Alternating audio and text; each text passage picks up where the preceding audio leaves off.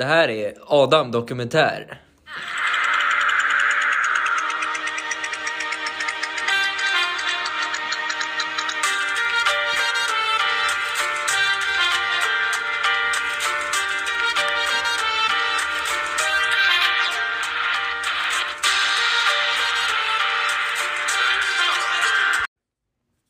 Dagens podd handlar om förintelsen som ägde runt i skuggan av det andra världskriget mellan år 1933 till 1945 då nazisterna tillfångatog miljontals människor, däribland judar och övriga folkgrupper som de tyckte var mindre värda.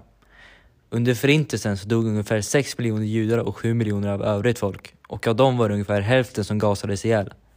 I dagens podd så ska vi få prata med en som har överlevt förintelsen och en soldat som jobbade inne i koncentrationslägret. Jag sitter här idag med en man som har överlevt förintelsen. Kan du börja med att presentera dig själv? Mitt namn är Josef och jag har överlevt förintelsen och jag är här idag för att svara på lite frågor. Hej Josef. Vi kan börja med min första fråga som är hur tänkte du när nazisterna började förfölja och segregera judarna från omvärlden på 30-talet? Jag var inte förvånad, men väldigt förvirrad och ledsen eftersom allt jag kände till blev ifråntaget mig och min familj. Kan du beskriva vägen till koncentrationslägret och hur du blev behandlad under din resa? Det var väldigt trångt och vi var väldigt hungriga och trötta. På tåget dit var det extremt trångt och många dog på vägen dit. Vi blev inte behandlade som människor utan som smuts. Och när ni kom dit med tåget, vad var första intrycket av koncentrationslägret och soldaterna? Först förstod ingen riktigt vad som skulle hända. Det såg inte så illa ut men efter några dagar förstod vi vad som pågick.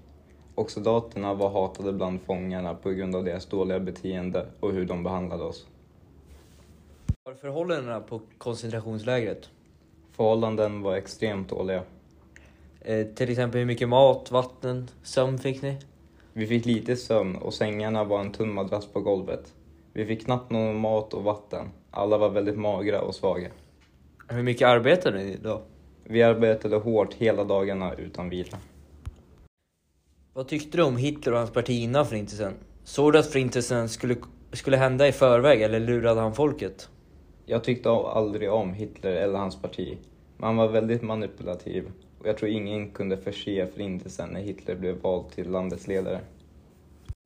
Tror du att alla soldater inne på koncentrationslägret var onda? Eller gjorde de bara det för att de blev tillsagda?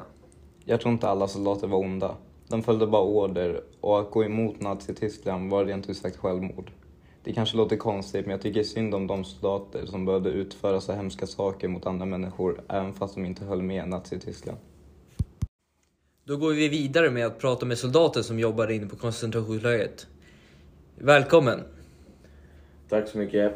Eh, mitt namn är Fritz och jag är 72 år gammal. Och, eh, jag är gammal soldat på koncentrationslägret. Det är väl det. Kan börja med frågorna direkt. Hur kändes det att se en så stor in, inhägnad med oskyldiga där även var barn inblandat? Eh, just då så reflekterade man inte över utan man tänkte att det var de som gjorde fel och hade fel värderingar men det var ju vi som hade det egentligen. Har du alltid varit emot judar och varför? Och är du fortfarande emot dem och står för det nazistiska? Eh, jag som ung var inte det men det, när Hitler kom in i bilden så med sina åsikter och kom fram med dem och så de kändes som att man blev tvingad att inte, man tänkte på vad han tänkte liksom som man trodde i det, på det han sa och ja. Kan du berätta vad som fick dig att vilja jobba som soldat, som soldat från första början och varför just för Hitler? Eh, varför jag började jobba som soldat var för att jag var på eh, läger för försvarsmakten i Tyskland och eh, sen att liksom ha heden för landet och att jag inte hade något jobb under den tiden. Men sen att just vara Hitler, det blev väl mer att man blev, att det blev en slump och sen när jag redan hade gått på de där eh, campen så hade man ju, blev man ju större chans att du var tvungen att jobba för Hitler. Så jag blev tvingad till det. Eh, man blev ju även väldigt hjärntvättad och inlurad. Att man tyckte grejer som man egentligen inte tyckte. Tack för att just du har lyssnat på vår podd och även tack till Josef och eh, Fritz som valde att vara med och medverka i den. Du kan lyssna på våra andra poddar överallt där andra poddar finns. Tack för mig.